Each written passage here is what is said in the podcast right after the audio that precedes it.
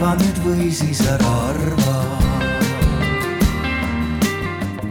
tere tulemast kõigile siia Terviseala viimasele arutelule.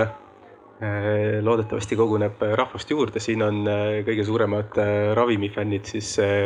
kohal mina olen Martin Meitern, juhatan seda arutelu, äh, tunnistan ausalt üles, minul äh, puudub meditsiiniline haridus, puutun küll meditsiiniteemadega tööl kokku, aga ei ole õppinud arstiks, proviisoriks ega mõneks muuks sarnaseks, ehk et usun, et olen hea teejuht ka teistele inimestele selle, sellel pooleteisel tunnil, et ei läheks liiga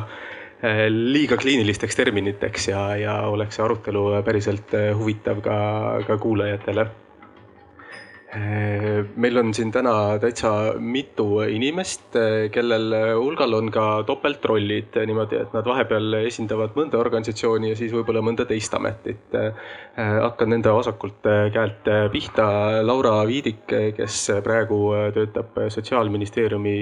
ravimiosakonna nõunikuna, kuid tema topeltroll, mida ta võib-olla vahepeal esindab, on see, et ta on ka õppinud proviisoriks ja on töötanud proviisorina Silja Nellis, äh, kes äh, töötab proviisorina ja pakub ka raviminõustamise teenust, millest me pärast räägime natukene ka lähemalt. perearst Diana Ingerainen, Liisa Jõhvik, kes töötab kliinilise proviisorina ja lõpetuseks Patrick Pihelgas, kes ametlikult on Tervisekassa projektijuht, kuid teenib leiba ka arstina. niimoodi, et mitmed inimesed vahepeal võib-olla vahetavad oma rolli ja teema, millest me täna kõneleme, on siis äh, ravimid, miks neid nii palju on, miks nad segadusse ajavad, miks inimesed ei järgi seda, kuidas äh, neile on ette kirjutatud see, kuidas ravimeid, ravimeid võtta äh,. mis kahju sellest tuleb inimestele endile ja, ja Eesti ühiskonnale ja, ja mis me selle kõigega siis teha saame. ja ma kõigepealt äh,, ma, ma kõigepealt teeksin sellise definitsiooni äh, ringi ja võib-olla annan sõna Siljale, et, et palun ütle, mis vahe on apteekril, proviisoril, kliinilisel proviisoril, farmatseudil ja kas mul on veel mõni termin kuidagi puudu, et, et kes, kes need inimesed on, kellega, kellega tegu on ja mis nad teevad? ja kus nad töötavad ka kõik? ja võib-olla lisan rohuteadlase siis niimoodi kõige laiemalt aga et siis nii-öelda apteekriteks nimetatakse proviisoreid ja farmatseute, äh, kes siis põhiliselt töötavadki apteegis. Äh, kuid selle eriala esindajad võivad töötada ka äh, riigisektoris, Ravimiametis, Sotsiaalministeeriumis, Haigekassas ja, ja ka ravimifirmades, et äh, nii-öelda proviisori või farmatseudi ametinimetust kandvaid inimesi võib kohata tegelikult päris erinevates kohtades, mitte siis ainult apteegis ja mille poolest erineb siis proviisor ja kliiniline proviisor, siis äh, kliiniline proviisor on äh, täiendanud ennast siis äh, põhjalikumalt haiguste ja ravimite kooskasutamise osas et siis individuaalselt vaadata seda patsienti, tema kaasuvaid haigusi, kogu, kogu ravimeid ja, ja sealhulgas ka siis toidulisandeid ja, ja loodustootjaid, mida väga palju kasutatakse. et kuidas need siis äh, omavahel üksteist mõjutavad, nii ravimid omavahel kui ka siis haigused omavahel ja kliiniline proviisor on siis ka nõustaja arstile, kes siis äh, vajadusel äh, võib küsida nõu, et mul on selline patsient, millise ravimi ma talle võin panna, kuidas me seda manustame. ja veel täiendavalt, et siis äh, kliiniline proviisor või siis ka proviisor on siis nõustaja nii-öelda patsiendi poole pealt, et kuidas tema oma ravimeid õigesti võtma peab ja milline on tema terviseseisund, et miks ta siis üldse neid ravimeid kasutama peab ja täpsuse huvides, kui ma nüüd äh, inimese või patsiendina lähen äh, apteeki, et ma võin seal ju kokku puutuda veel kellegagi, kes ei ole, ei ole proviisor või farmatseut, et äh, võib-olla ka kõrghariduseta või mis, mis ametiga töötajad seal veel on, kes inimestele ravimeid müüvad mm? -hmm et selles mõttes jah, apteegis võib kohata ka klienditeenindajad, kellel puudub erialane haridus, aga nemad siis ravimite osas nõustada ei tohi ja vajadusel nemad siis suunavad nõusaamiseks erialatöötaja juurde. aga nemad võivad plaastrit müüa sulle, päiksekreemi. ja minule on alati tundunud, et nad on lihtsalt ebaviisakad. Jah, et selles mõttes ei tasu nendega pahandada, et nemad on selline esi, esimene inimene, kes vajadusel saab kiiresti sinu vajaduse äh, nii-öelda abi ära pakkuda ja, ja saab suunata siis õige inimese juurde, kelle, kelle juurde sul oma probleemiga on, on vaja siis minna aga miks me sellest äh, teemast täna üldse räägime, et, et miks see on probleem? ma annan nüüd võib-olla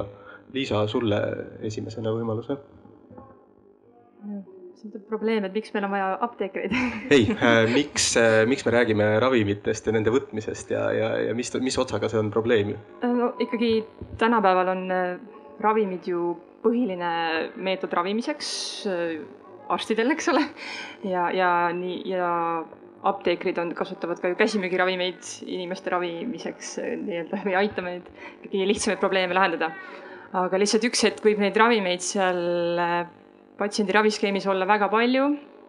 ja siis äh, oleks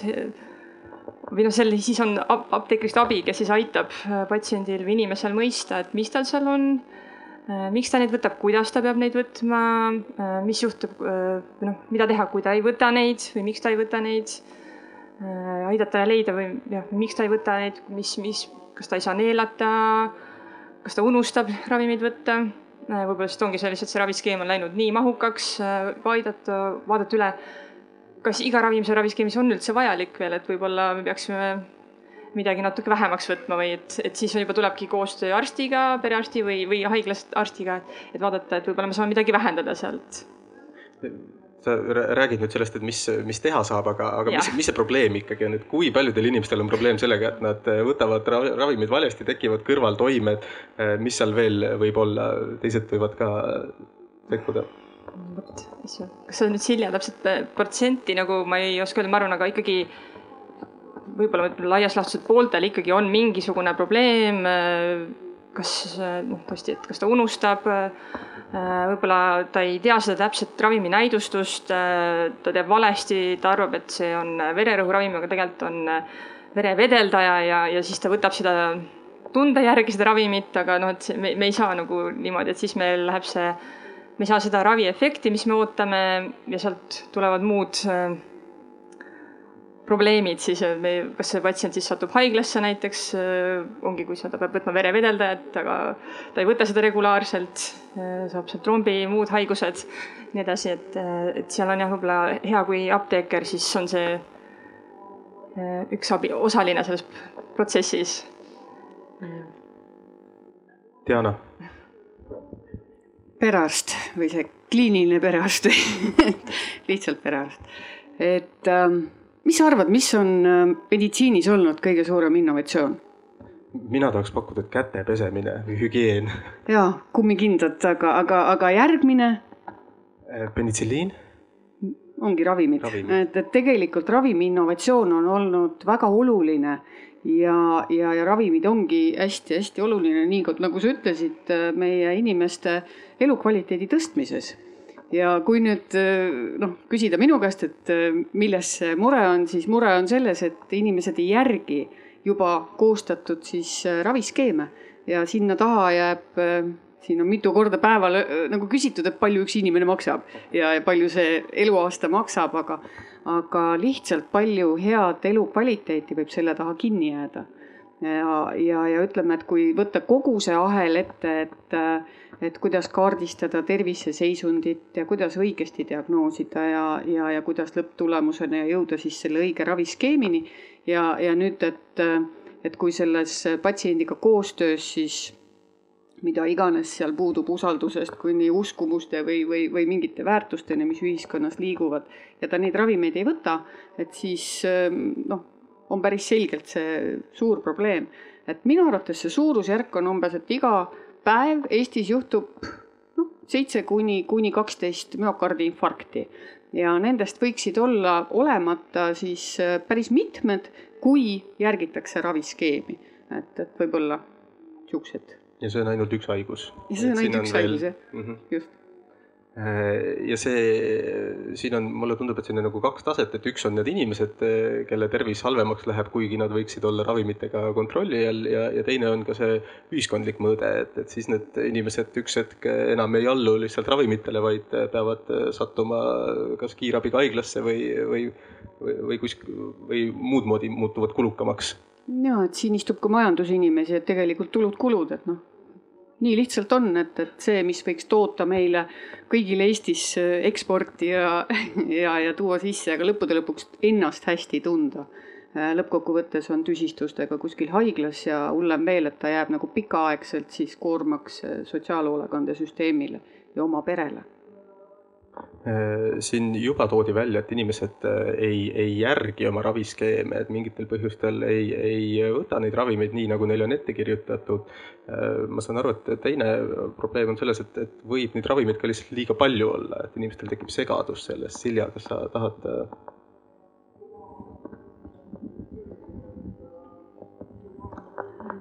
põhimõtteliselt äh, jah, et ühesõnaga, kui inimene on jõudnud sinnamaale, et tema haigusi on vaja ravida ravimitega,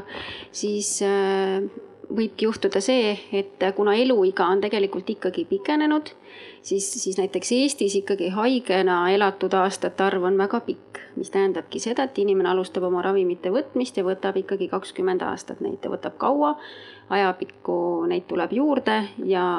ja mida rohkem on ravimeid, seda rohkem on võimalusi, et äh, tekivad tal endal mingid segadused, kuidas oma ravimeid võtta. Äh, siis juhtub see, et kas ravimid ei toimi, tekivad mingid kõrvaltoimed, mille tõttu ta vajab nagu veel meditsiiniabi. Ja mõte läks nüüd rändama. küsi uuesti et, et mis, mis need tahud sellel on, et kui sa ei jälgi ravi,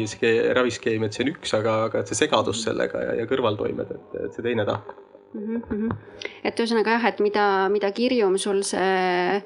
raviskeem on, seda, seda rohkem on kohti, kus võib midagi valesti minna ja need ei pruugi üldse tahtlikud olukorrad olla, et need võivadki olla kas kommunikatsioonist, need võivad olla äh, inimene lihtsalt unustab midagi, palju infot on korraga, võib-olla on uus haigus, mitu ravimit korraga ja lihtsalt ei jää meelde. Äh, võib-olla alguses jääb meelde, aga kui ta pikki aastaid võtab, võib juhtuda see, et näeb, et oo, et kuule, mul oli see ravim ka, et siin kodus mul on seda, et ma vist pidin seda ka nagu võtma ja hakkab kogemata nagu nii-öelda ka vana ravimit kasutama. või, või siis ajabki mingeid ravimeid segamini, et, et ta ei tunne oma ravimeid, kust võib tulla ka siis selline vale, vale võtmine, et ütleme, kui inimene noh, ongi mul olnud juhus, kus inimene võtab äh, maoravimit selle pähe, et ta arvab, et see on, see on trombivastane ravim. mis tähendab seda, et ta tegelikult mitu kuud ei võtnud oma trombivastast ravimit, võttis hoopis maakaitseravimit ja tegelikult inimesele, ta on käinud süsteemis, määratud ravi, head ravimid on olemas, aga, aga ta ei võta, eks ju, ta ei saa sellest kasu, et, et sellised nagu eksimus, mitte eksimused, aga sellised noh, apsakad, mis võivad lihtsalt elu nagu käigus sisse tulla. et neid peab nagu nii-öelda seirama, neid peab kontrollima, et kas kõik on ikka hästi, et me ei otsigi otseselt nagu tõsist probleemi, et keegi on valesti teinud, aga just, et noh, elu tuleb vahele nii-öelda. ja, ja siin, siin sihuke aastatepikkuse võtmise juures ongi vaja vahepeal vaadata, et kuidas, kuidas inimesel läheb oma ravimite, kuidas ta neist aru saab ja, ja kas kõik on õige sa otsapidi juba tegelikult äh, hakkasid rääkima sellest, et mis need põhjused on, et miks inimesed ei võta. mul endal hulk aastaid tagasi siinsamas Paide haiglas äh, olin EMO-s järjekorras, minu ees oli üks naisterahvas, keda võeti vastu, tal, ma isegi ei tea, mis tervisemure tal oli, aga tal tekkis, selle EMO arstiga tekkis tõsine vaidlus teemal, kus arst ütles, sest et ta nägi süsteemist, et naisterahvas ei ole selle haiguse raviks mõeldud äh, ravimeid välja võtnud. naine väitis vastu, et ei, tema, ma ei tea, poeg või keegi sugulane oli need välja võtnud ja ta tingimata on neid võtnud ja noh, et sealt konflikt tekkiski, et sellel arstil ei olnud mitte midagi muud teha, kui et palun võta neid ravimeid. Mis need, mis need põhjused ikkagi on, et miks inimesed siis ei, ei järgi neid soovitusi? Patrick jah, ma tahaks selle dimensiooni siia juurde tuua, et tervishoiutöötajad ja inimesed on teinud tubli koostööd, tänu millele siis äh, elavadki inimesed siin juba saja aastani ja, ja lähevad kauem, on ju. ja selleks, et nad ikka jätkuvalt suudaksid seda teha, suudaksid saja aastani elada ja kauem seda, äh, selleks äh, turgutatakse neid ikka ja jälle uute ravimitega, eks. põhimõtteliselt iga kord, kui patsient jõuab uue spetsialisti juurde, saab ta jälle midagi uut peale, proovi, proovi nüüd seda ka või siis vahetatakse välja, et üks arvab, et tema, temal on kõige viimased teadmised selle kohta, mis võiks olla.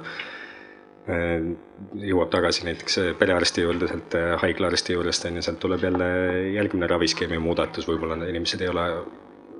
need kaks spetsialisti ei ole nagu omavahel nõus ja mõlemad ongi targad, mõlemad vaatavad lihtsalt natukene nagu oma mätta otsast ja mida siis see vaene inimene seal vahel nagu tegema peaks, tema jaoks ongi, tõmmatakse see raviskeemi lehel, mis tal võib olla suur paber on ju, kõik pastakaga ilusasti välja kirjutatud, aga see on nii ära soditud juba igatepidi on ju ja tõmmatud sinna noh, kirjutatud pliiatsiga veel juurde on ju mingi seitse erinevat asja, enamust ta ei loe välja ka, sest arstide käekiri on nii, nagu ta on. ja selles suhtes on täiesti mõistetav, et ja, ja loomulik, et inimesed jõuavadki sellisesse, sellisesse olukorda Hm? Diana, sa soovisid? jah, et ähm, tegelikult alati, kui arst kirjutab ravimit välja, siis on tal toime, on kõrvaltoime ja sa alati kaalud ikkagi, et on kasu, on kahju. ja, ja et see protsess, et sa jõuad nagu selle ravimini, et, et see on, et see ei ole päris niimoodi ük, üks-kaks ja mm, tegelikult me ka vaatame, et kuidas see toime on, et korra aastas vähemasti me käime oma kroonikud läbi, need on siis äh, inimesed, kellel on kroonilised haigused, et me kutsume enda vastuvõtule vaatame, et, et kas need kõik ka toimivad ja proovime teha neid korrektuure. aga miks inimesed ise korrektuure teevad, et äh, meil siin eelmises paneelis oli see, et, et kus, kus me oma mõtteviisiga oleme, et, et oleme me siis Põhjamaal või, või oleme kuskil mujal maal. et ma kaldun arvama, et see on täpselt seesama asi, mis juhtus selle Covid vaktsineerimise ajal, et me ikka oleme kaugel Põhjamaast ja, ja mis, no mul pidid ikka kõrvad ära kukkuma, kui me kut-, kutsusime oma kaheksakümmend pluss inimesi vaktsineerima, et mis põhjused sealt tulid. Ja, ja lõppkokkuvõttes minu arvates need on mingisugused ühiskonna väärtused, mis juhivad seda kogukonda. ja, ja tõepoolest Soomes, et ka seal hariduslikult kehvemal järjel olevad inimesed teavad oma ravimeid ja nad hindavad nagu neile panustatud tervishoiu siis äh, aega või siis seda ressurssi ja, ja enamasti jälgivad oma raviskeemi. et kas see on mingi usalduse küsimus või, või, või, või, või veel mingi sügavam äh, probleem. aga laias laastus, et kui inimene peaks võtma järjepidevalt oma ravimeid, siis kaheteistkümnest kuust ta noh, kaheksa võtab ja ülejäänud aeg ei, ei võta. ja, ja see on nagu minu arvates üks väga suur probleemi koht mina olen äh, ka, tean vähemalt üks ravim, mis mul on, äh, olen olnud positsioonis, kus äh, ma tunnen, et täna ei kimbuta mind see haigus nii väga, et ma jätan täna võtmata või võtan natukene vähem täna. ei ole läinud seda teelt, et olen võtnud topelt, kui eriti halb on olnud olla. Õnneks see tundub mulle ikkagi ohtlik hästi tüüpiline on, et kui inimesed hakkavad alkoholi tarvitama, et siis need jätavad rohud ära. Need kahte asja korraga see... aga siis on näiteks kõrgvererõhk tõvel on veel hullem see tulemus. ja ma võib-olla tegelikult tahtsin siia juurde tuua just siis sellest teisest proviisori vaatest, et äh, ühest küljest me oleme hästi uhked ja rahul sellega, et meil on nii-öelda üha paremad ravimid ka tehnoloogiliselt, et äh, tõesti inimene ei peagi võtma enam viite tabletti päevas, ta saab ühega hakkama, aga, aga samal ajal nagu mida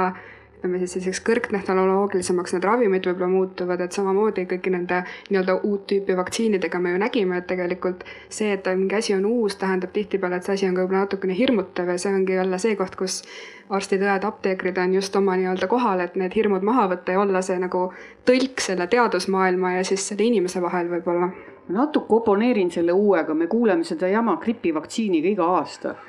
Ja, ja järjest huvi, huvitavamates vormides Diana ja Patrick, ma suunan teile kui perearstidele nüüd küsimuse, et teie olete selles positsioonis, et kui ravim välja kirjutatakse, et teie ju peaksite selgitama inimesele, et kuidas seda võtta, miks seda võtta, aga miskipärast see info läheb teist välja, aga sinna kohale ei jõua, et miks, miks see on nii? no ikka jõuab ka päris nii ju ei ole. jõuab tihti ka, aga räägime nendest, kus ei jõua mm mulle tundub, et, et seda ei saa niimoodi päris võtta kui halli massi ja alati juhtub nii, et, et tõenäoliselt on need äh, jällegi mitu, mitu põhjust ja, ja erinevate inimestega on erinevad põhjused. et äh, ma ise tooks välja võib-olla ma ei tea, kas, et, et on see ajaressurss kohati, et ma küll proovin selgitada ja, ja, ja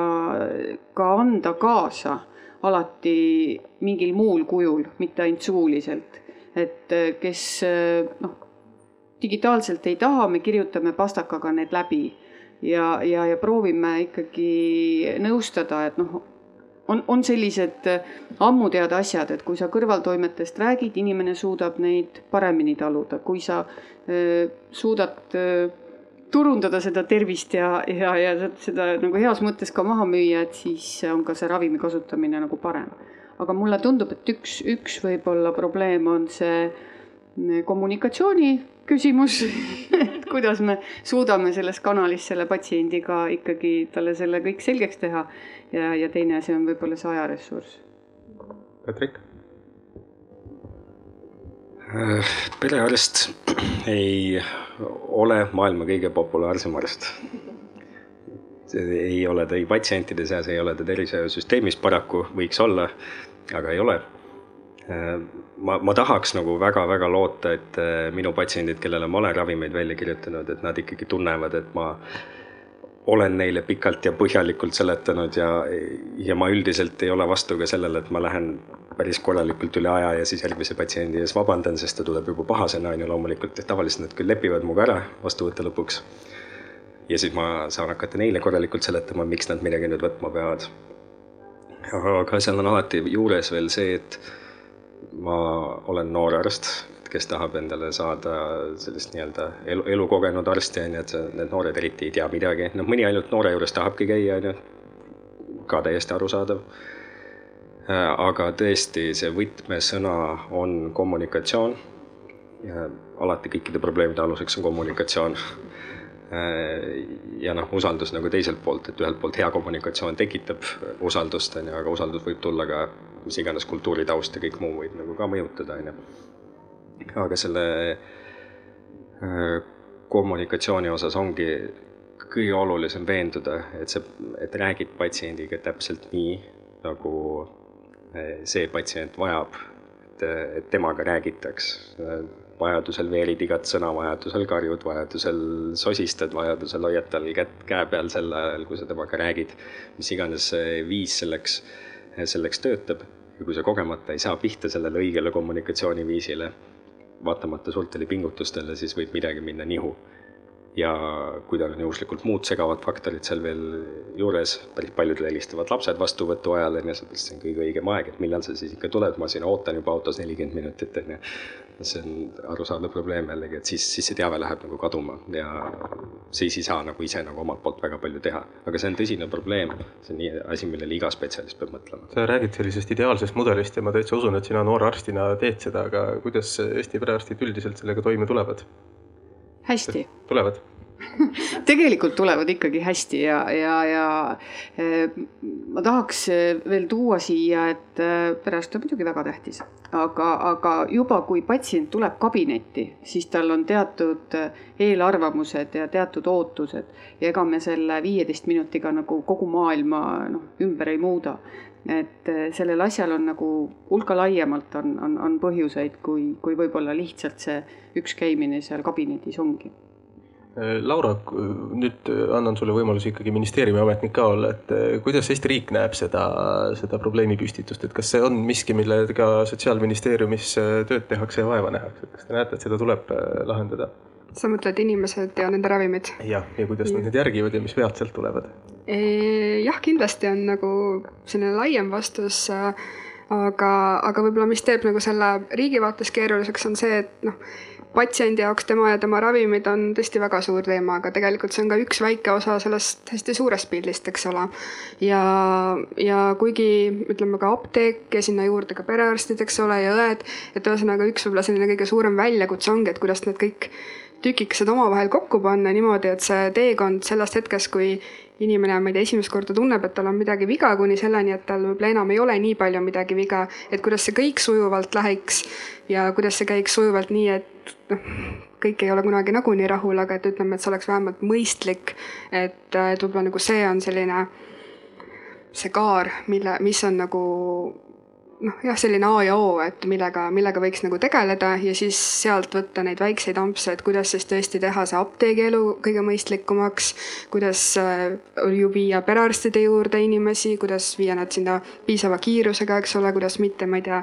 üle ujutada meie esmatase, mitte selle esmatasandil, vaid esmaabi ja vaid kiirabit, EMO-sid, et, et kõik need sellised erinevad tükid nagu kokku kokku kukutada niimoodi, et see oleks selline edukas Tetrise mäng, mitte me ei jookseks kohe vastu seina. et ma arvan, et see on selline suur, suur väljakutse, mida nagu tegelikult ka riik tunneb, et on ja millega tuleb tegeleda ja ma nagu väga tahaks loota, et me sellega ka igapäevaselt tegeleme, vähemalt mina küll üritan täna siin täitsa mitu tundi äh, Liisa ja, ja Silja pakkusid ka raviminõustamise teenust inimestele. Äh, mul oli võimalus näha, kuidas Silja lähenes ühele härrasmehele, hakkas ilmselt tutvustama raviminõustamist kui kontseptsiooni ja härrasmees vastas kuidagi möödaminnes, et ei, tema on arsti juures käinud ja temal on kõik korras. pärast kuulsin, kuidas Patrick ei tundnud Siljat ära ja arvas, et on mingid müügiinimesed tulevad. kui kui lihtne sul oli täna inimesi leida ja, ja võib-olla mitte ainult tänase põhjal, et mis need, mis need probleemid on, millega inimesed sinu juurest abi saavad raviminõustamisel mm? -hmm et tänase pro-, päeva selline väike probleem oli ülipopulaarne kehakoostise määramine mis oli iseenesest väga tore, aga, aga minu jaoks see näitaski väga selgelt, et inimene näeb aparaati, ta teab, mis asi see on. ta vaatab minu silti ja siis mõtleb, et no ma ei tea, noh võib-olla mitte praegu või mis ma, mis ma siit saan, et, et siin ongi see, et inimesed ei, ei teagi, et kui nad midagi kasutavad, sealt võivad tulla mingid probleemid, et ka seda nii-öelda ravimite kasutamist, toidulisandite, loodustoodete võtmist peab ka nagu nii-öelda ikkagi sinna sisse vaatama, et kuidas ta neid võtab, kas need kõik nagu sobivad, et, et ähm, ja, ja tõesti, ütleme jah, see nii-öelda kuvand ongi täpselt see, et tahetakse midagi maha müüa, aga tegelikult see raviminõustamine on nii-öelda teadlikkuse tõstmine ja nii-öelda mõistlikult ravi, nii ravimite kui ka toidulisandite tarbimine, et, et ei ole mõtet noh, nii-öelda krahmata kokku erinevaid imesid tegevaid nii-öelda toidulisandeid, eks ju, neid kõiki korraga võtta ja, ja tegelikkuses sai sa, sai sa ühest korralikult kasu ja, ja võib-olla kahjustad oma mingit teist terviseprobleemi. et ühesõnaga selline teadlikkuse tõstmine on üks, üks, üks probleem, mis, mis nagu on ja, ja mida siis nagu nii-öelda proviisorid ja apteekrid nagu saavad teha. Aga et eh, milles see nii-öelda küsimus ongi see, et apteek ongi pigem selline koht, kuhu inimene läheb kiirelt oma ravimeid võtma ja, ja isegi kui, kui sa nagu hakkad tema käest midagi täpsustavalt küsima, siis ta ei ole valmis selleks. nagu miks, miks sa nüüd nagu midagi umbes küsid, et nagu pigem ei ole seda valmisolekut ja, ja teine asi, et kui, kui me siis seal nii-öelda avatud müügisaalis nagu vestleme, et siis arusaadavalt inimene ei tahagi hakata nagu täpsemalt oma asjadest rääkima, et mida ta võtab või kuidas ta võtab või mida ta tunneb, et, et selline, selline vestlus nagu vajabki rahulikult mahaistumist, aja võtmist ja, ja, ja kuulamist. ja, ja tegelikult oma selle nõustamisega, aga ma näengi, et, et kui, kui me siis istume selle inimesega maha, hakkame vestlema, sealt tulevad väga huvitavaid noh, selliseid küsimusi välja näiteks üks patsient, kes oli pikki aastaid vererõhuravimit,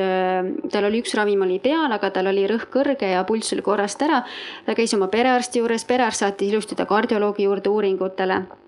tehti uuringud, selgus, et tegelikult noh, süda on korras, eks ju, aga, aga rõhk on kõrge, pulss on korrast ära, et peab ühte ravimit nagu veel võtma hakkama. ja siis, siis ta niimoodi läheb koju nagu selle teadmisega ja mõtleb ikka ei, ma ikka võtan seda ravimit, aga mul on kuidagi kehva olla kaks päeva ta võttis, eks ju, et pole nii-öelda ravimi toimegi jõudnud üldse seal nagu tulla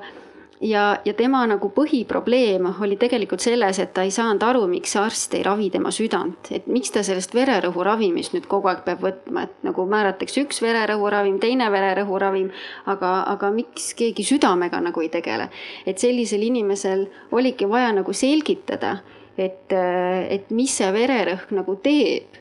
Ja tegelikult oli tegemist nagu kümme aastat vererõhuravimit nii-öelda võtma, võtva inimesega, et et ühesõnaga sellised asjad ei tule sealt leti tagant välja. et äh, ja, ja kui me oleme need probleemid tuvastanud, siis nii-öelda meie eriala suudab siis inimesega vestelda tema haigustest, tema ravimitest ja, ja vajadusel siis äh, nii-öelda suunatagi siis äh, nii-öelda perearsti poole, kui, kui see vajab nagu sedasorti lähenemist ja, ja, ja kui vajab mingid asjad muutmist, siis hea, et, et ütleme jah, üks probleem ka, mis praegu siis nii-öelda apteegis on, et kui me ka mingit koostoimet seal näeme, me räägime inimesega ta ei saa pooltest asjadest aru, eks ju, sest ta ei ole nagu erialainimene, mis on arusaadav. ja siis ongi see, et kui palju ta nüüd aru sai, mis ma talle ütlen,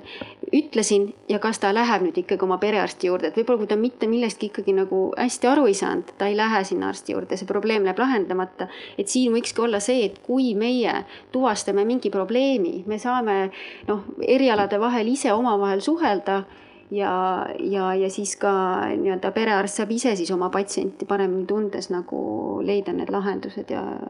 pöörata rohkem tähelepanu siis, kuhu vaja. jah, see üks tablett kolm korda päevas ja siis ta tegigi selle tableti kolmeks. et eks neid juhtumeid on nagu noh, mitmeid, aga, aga ma arvan, et me peaksime nagu kuidagi hästi selgelt ära kaardistama, et mida me nüüd tegelikult, missuguse meetmega muutma läheme et sa tõid ka nagu välja selle äh, terviseteadlikkuse, sellest on täna vist olnud ja eile oli siin juttu ja et, et, et kuidas nagu seda terves Eestis äh, nagu noh, muuta ja, ja mis on need äh, tegelikult meetmed. et kardan, et siin ei ole jälle sellist ühte ainsat võtet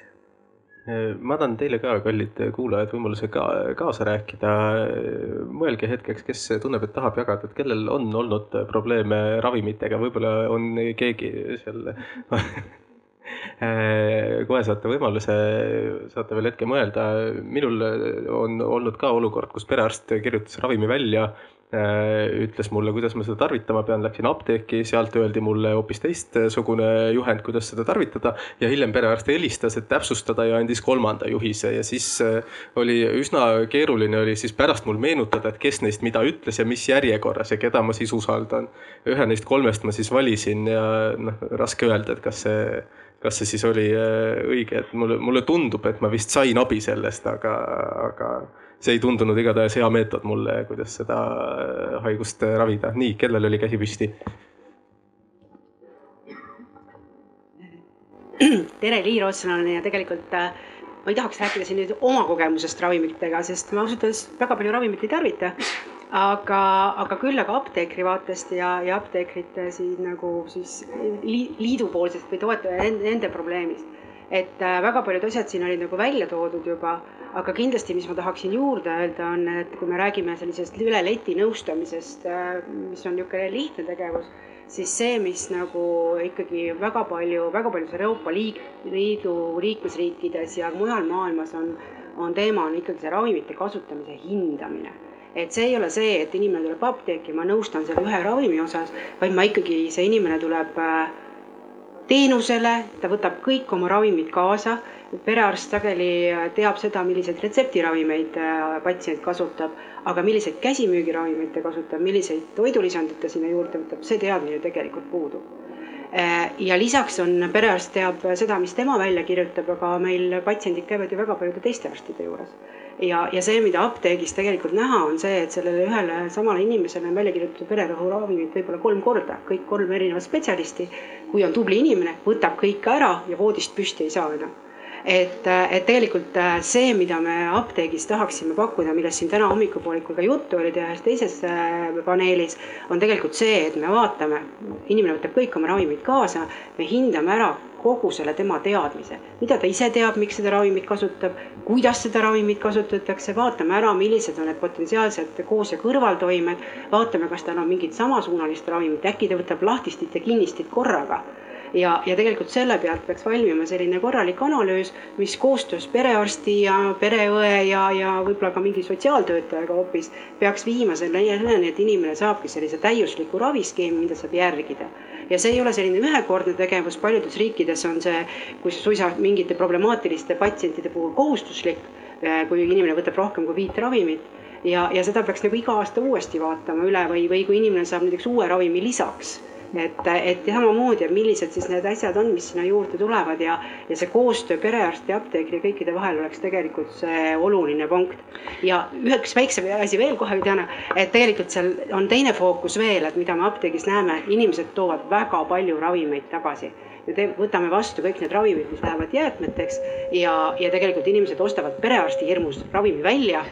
panevad selle sinna kapi peale ja kui see aegub, toovad ta lihtsalt apteeki tagasi. ma tahtsin sulle öelda, et see on väga hea meetod lasta neil kõik ravimid kaasa tuua, aga on veel üks parem meetod, kui sa lähed koduvisiiti ja vaatad seal üle, sest et ta ei pruugi kõike kaasa võtta. ja tere, Pille Mukk olen, olen arst. ma tegelikult tahaks natukene nügida seda äh, teemat või, või millest me räägime. me räägime hästi palju sellest, et me sellest poolteist tundi ei räägiks sellest, et äh, kuidas apteeker nõustab üle, üle leti või, või kabinetis arst üle lauanurga nõustab patsienti, et ta peab seda korduvalt ja korduvalt tegema ja rääkima. ma tegelikult tahaks, et me räägiksime täna selle, mitte mina tahaks, vaid, vaid ma arvan, et me peaksime rääkima ka sellest, et äh, meil on ravimi innovatsioon, väga äge. me teeme sihtmärgistatud ravi, me hakkame kasutama geeniandmeid, biomarkereid, et võimalikult õige patsient saaks õige ravimi õigel viisil. aga igasugused targad lahendused, mis sedasama ravisoostumust parandavad patsiendi jaoks, on meil täna võimalik juba kasutada, juba välja mõelda, mitte see, et see jutustaja, kes on apteeker või on arst, kes seda räägib. teine pool sellest on hästi oluline see, et need abivahendid tegelikult, neid vajab ka arst, seesama ravimi väga, noh, ravimite väga kiire areng. arst õpib läbi oma karjääri. Äh,, ravimid muutuvad, et sellised äh, otsusetoe viisid, eks ju äh,, igapäevaselt muutuv info selle patsiendiga seoses, vot neid tarku lahendusi oleks meil väga vaja ja neisse panustada. Ja see nõuab peale energia muud ka seal on üks äh, sõnavõtt veel ja ma kahtlustan, et ka see ei ole patsiendi vaatest äh, vastupidi, see on just nimelt patsiendi vaatest, et äh, küll mitte minu, minu enda, vaid minu isa vaatest. ma ütlen talle küll, et ta juba koosneb varuosadest, et kui meditsiin ei oleks nii hästi arenenud, siis ta kindlasti oma kaheksakümne seitsmendat sünnipäeva ei näeks. aga mida ma siis seal metsas, kus ta elab, mida ma siis näen seal, ta käib, eks perearsti juures, noh, neil on asendusperearst, sest noh, maal ju ei ole perearsti, siis on üks ja teine ja, ja kaheksas perearst. Äh, siis käib ta kardioloogi juures ja siis ta käib kirurgi juures ja igaüks määrab siis oma ravi ja siis ta tuleb koju nende ravimitega ja siis tal ongi täpselt see, et tal on mitu vererõhu alandajat, siis tal on pea käib ringi, siis ta kukub ja siis tema loeb neid patsiendi infolehte ja sealt tema siis otsustab, millise ravi tema ära jätab kui ma ütlen, et no aga no mine räägi oma perearstiga või räägi siis kardioloogiga uuesti, et noh, et, et äh, sa ei tohi ära jätta, no küll ta jätab seal siis selle trombivastase ravi ära ja siis ta vahel jätab diureetikumi ära ja aga ta ütleb, aga kardioloogile on mul järgmine aeg on kolme kuu pärast. et ma näengi, et ma olen väga nõus sellega, et on vaja neid äh, abivahendeid ka arstile, et kui see kirurg kirjutab välja ühe rohu, et seal tekiks mingi punane, ma ei tea, mis asi, et aa, see patsient saab juba midagi. ma, ma ei tea, kas see süsteem, koostoimete süsteem töötab või ei tööta, kas ta töötab, aga kas ta töötab kõigile arstidele? noh, no siis nad lihtsalt ei kasuta, ma ei tea, mis tuleks teha selleks, et nad kasutaks et, et üks ressurss veel, mida kasutada, on haigete lähedased, et tõesti, kui haige ise ei saa aru, see vanainimene ja tal tõesti tuleb neid rohtusid juurde, et siis äh, noh, tõesti kirjutatakse talle kaasa, et mida ja kuidas võtta ja siis lähedasel võib-olla on võimalik seda apteegiteenust siis kasutada, sest mina ei kujuta ette, et minu isa läheks apteeki, ma lihtsalt ei usalda, ega need arstid on ka kõik lollid, sest vaata, mis nad tegid minuga, ma kukkusin ümber.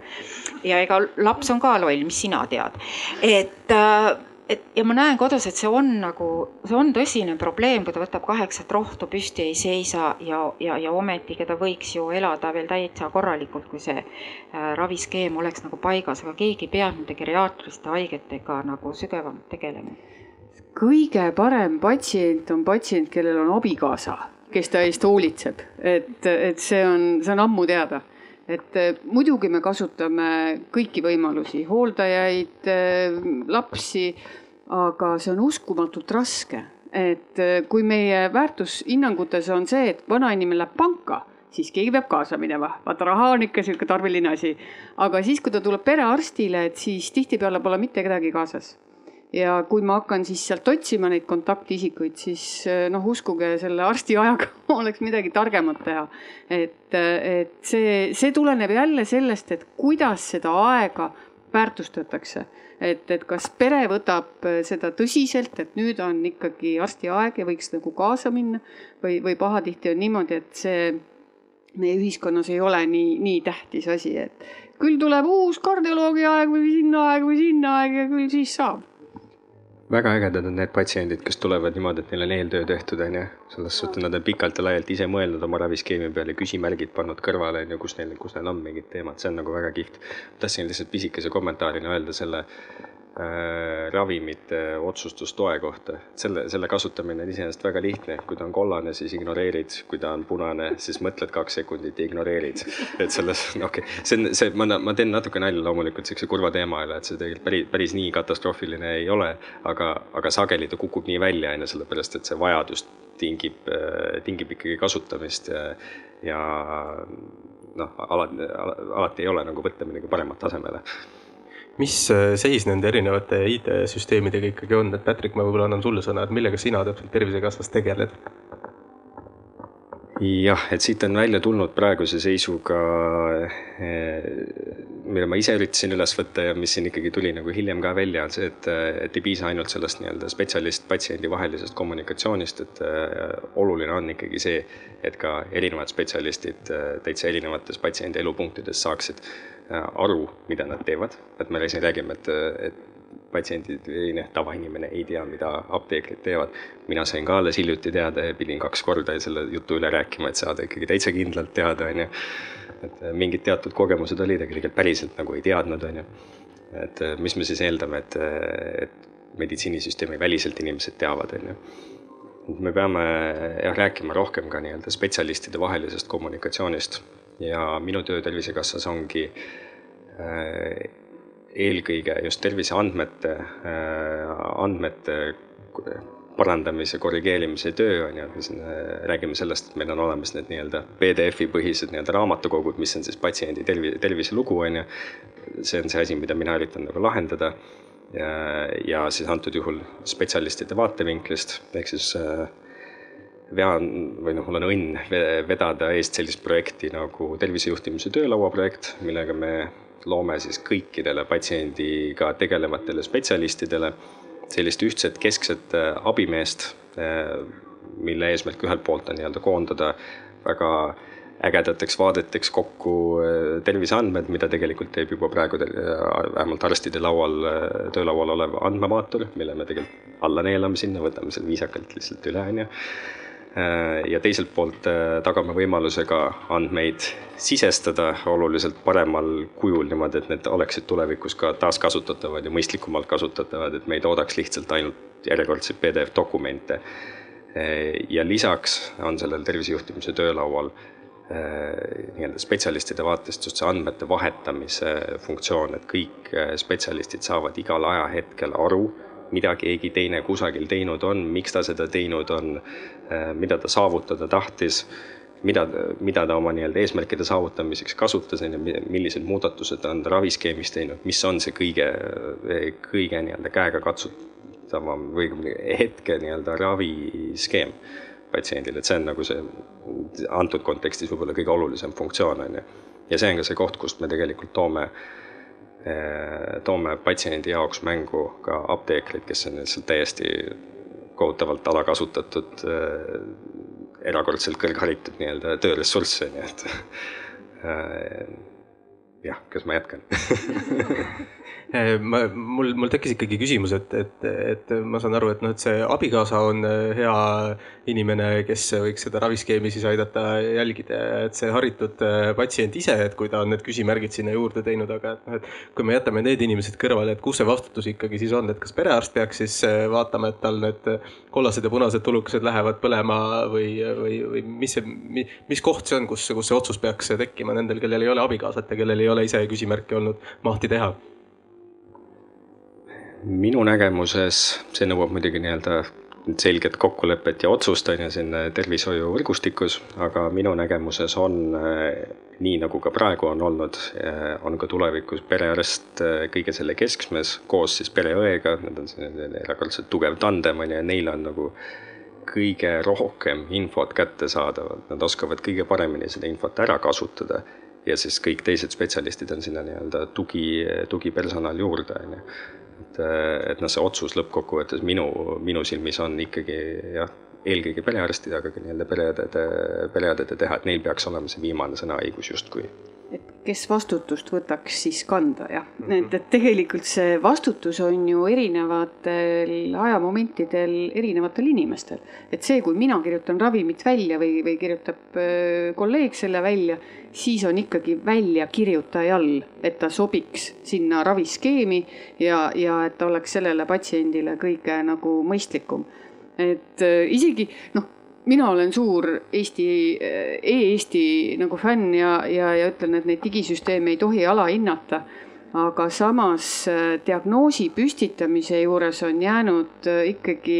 peaaegu seitsekümmend protsenti anamneesi võtmisele, et, et sul peab ikka mõistust ka peas olema, et noh, et, et õiget asja arvuti käest ka küsida. aga, aga jah, et need vastutuse kohad on erinevad et selle eest, kui patsient teeb kaalutletud otsuse kodus, et ta seda ravimit ei võta mina vastutust võtta ei saa. et, et mina saan võtta vastutust ikka selle töö eest, mida mina teen ja, ja kui ma eiran kõiki uusi ravijuhiseid ja tervisetehnoloogiaid, no see on kurb, sest tõesti praegu tuleb väga innovatiivseid uusi äh, meetodeid nii, nii siis ravimite kui tervisetehnoloogiate osas ja, ja minu arvates äh, peakski vahepeal olema kogu aeg ainult koolis, et, et, et suudaks kõikide nende asjadega kursis olla. aga, aga ja, ja, ja kes palju vastutust nagu võtab ka sellest pisikesest sotsiaalvõrgustikust nüüd selle äh, patsiendi osas et äh, eks seda peaks ka rääkima, läbi rääkima. see on nagu noh, mina ikka aeg-ajalt oma kaasaga proovin rääkida, et räägi nüüd pojaga, et noh, et, et, et nüüd, nüüd, nüüd tee ikka sina ka lapsevanemad. et, et võib-olla see on sama teema, et, et liigselt ei, noh, ei mõeldakse, et, et küll ta nüüd teeb või, või küll, küll ta nüüd on või küll, et perearst vastutab, et et äh, ma proovin patsientide käest alati ka peegeldada, et mida sa võtad ja mille jaoks. käime ikka läbi ja, ja siis, ah jaa, küll sa ise tead, mida ma võtan. oot-oot-oot, et hakkame nüüd ikka, et, et, et proovid nagu teha seda eh, motiveerivat intervjueerimist ja seda coach imist ja, ja, ja, ja ikkagi tehagi talle selgeks, et see vastutuse punkt, et see ravim nüüd ikka sinuni jõuab, et see on nüüd kullakene sinu teha. et, et eh, aga noh, kuidas selleni jõuda, see on muidugi lisa, jah, lisad siia lisaks juurde, et, et kõik väga, väga õige selles suhtes, et jah, see on äh, natukene julm on panna kogu vastutus nii-öelda perearstide õlule, on ju, et perearstil on lihtsalt jah, tulenevalt sellest, et temal on kõige rohkem andmeid nagu kättesaadaval, et ta on selle kõige keskmes justkui. aga samas, kui me vaatame veel lähemalt, siis tegelikult on keskmes ikkagi on ju patsient ja iga inimesel on enda tervise osas kõige suurem vastutus. lihtsalt ta peab, tal peab olema ta peab võtma vastutuse ka selle eest, et ta pöördub õigel ajal õige inimese poole ja enam noh, sageli ongi see pereõde või perearst või siis noh, tegelikult apteeker ka on ju, kui me räägime nüüd siin nii-öelda ravimite alaselt on ju, aga noh, selleks on vaja enne teha teadvustustööd ja selleks on vaja teenuseid käima lükata on ju, et. et oleks nagu mille poole nagu pöörduda on ju, sest praegusel kujul ma ei usu, et meil õnnestub väga palju patsiente hetkel nagu apteeki suunata, et mine siis nüüd räägi seal ka natukene on ju, nad ei saa aru, et miks sina minuga ei räägi siis proviisoritel, vähemalt osal neist on endil nägemus, et neil võiks vastutust rohkem olla, et nagu Patrick siin kenasti ütles, et või otse välja ei öelnud, aga et meil on sellised kõrgharitud müüjad apteekides tööl. Silja, mis, mis roll võiks proviisoritel selles selles patsiendi toetamises olla, et, et jätame selle vastutuse sinna patsiendi juurde, aga kuidas proviisorid võiks sellesse panustada mm? -hmm et no selleks, et äh, patsient saakski nii-öelda seda vastutust võtta, on tal vaja nagu suuremaid teadmisi selles osas, et äh, mida, mille eest ta siis nii-öelda vastutab või miks tal on vaja see vastutus iseenda tervise eest nagu võtta. et äh, et, et selles osas ei ole vaja nagu nii-öelda ongi, et arst kindlasti räägib, selgitab, omalt poolt, aga, aga see aeg on piiratud, et äh, apteekrid võiksid olla need, kes, kes räägivad sedasama juttu, mida, mida on arst rääkinud, aga kinnistavad seda infot. ja kui midagi ei jäänud meelde, saavadki seal siis nii-öelda juurde rääkida, et see, see teadlikkus oma seisundist tõuseks ja, ja läbi selle ka siis selline vastuvõtlikkus ravimitele, mis, mis nii-öelda arstid on suure töö ja uuringutega nii-öelda välja mõelnud, et selle, tal oleks tarvis et, ähm, et, et üks roll olekski jah, nii-öelda selline teadlikkuse tõstmine ja kuna nii-öelda me oleme ka suhteliselt lihtsasti ligipääsetavad, noh, apteeke on ju ikkagi väga palju, et, et me saaksime seda teha. aga te teete ju seda, kui te ravimit patsiendile ulatate, siis te ju alati küsite, minu käest küll küsitakse, ma võtan hormoonasendusravimit. sa oled tuntud perearst ka. No võin notsumaskiga minna, ikka küsivad jah, et, et mingil määral seda, seda saabki teha, aga nagu ma ütlesin, et kui me ka seal tuvastame mingi probleemi, siis me nii-öelda tulekahju seal saame kustutada. aga, aga palju noh, et see jääb siuksest, sihukesteks nagu infokildudeks, et kui seal inimesel on selja taga juba järjekord, siis me ei saa tegelikult rahulikult temaga äh, nii-öelda rääkida ja tuvastada need nagu probleemkohad Diana, sa ei paista, sul ei paista see kuidagi usaldusväärne vastus ei, ma lihtsalt äh, nagu mõtlen, et, et, et mis probleemi me lahendama läheme ja, ja mis meetoditega, et, et, ähm, et siin peab nagu üsna et nüüd ettevaatlik olema, et, et mis see sihtgrupp on, mida me seal teeme ja, ja mis oleks oodatav nagu tulemus. et see terviseteadlikkuse tõstmine, see on, see on, see on, see on hästi lai ja, ja, ja kust maalt kuhumaani, et haridusest kuni tõesti ma ikkagi tuleks need ühiskonna väärtushinnangute ja kõige selle juurde nagu tagasi, et.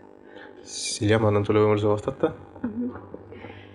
et äh, selles mõttes nii, nii täpselt ongi, et kui me siin niimoodi rasvumise juures ja, ja muude teemade juures nagu jõuame sinnamaale, et inimeste nagu teadlikkust on, on vaja tõsta või me peame nendest teemadest rääkima nii, et see nii-öelda mõte ka kohale jõuaks. et, et siis meie nagu omalt poolt saamegi, saamegi toetada seda, mis puudutab ravimite võtmist ja mis toetab ka nii-öelda, nii-öelda eluviiside poolt. et noh, igaüks seal suitsetamist, loobumist ei tee, aga selles mõttes selle jälle välja tuua, et kui teil on seal kolesterool kõrge, teil on süda haige, see suitsetamine on nagu selline tõsine faktor sealjuures, et, et, et kui see inimene saab niisuguseid nügimisi nagu mitmest suunast, siis on lootus, et me suudame ta liikuma lükata. et ja, ja noh, lihtsalt, et, et ongi apteeker on niivõrd palju lähemal nii-öelda, nii-öelda lihtsamini ligipääsetav tervishoiutöötaja, kes võiks seda teha Äh, andke palun äh, käega märku, kellel on äh, sarnased kogemused apteekides, nagu Diana ütles, et saavad, saate seda informatsiooni, mida teil vaja on, et ei kohtu seal ainult müüjaga, vaid et on ikkagi spetsialist, õppinud kõrgharidus, kõrgharidusega spetsialist.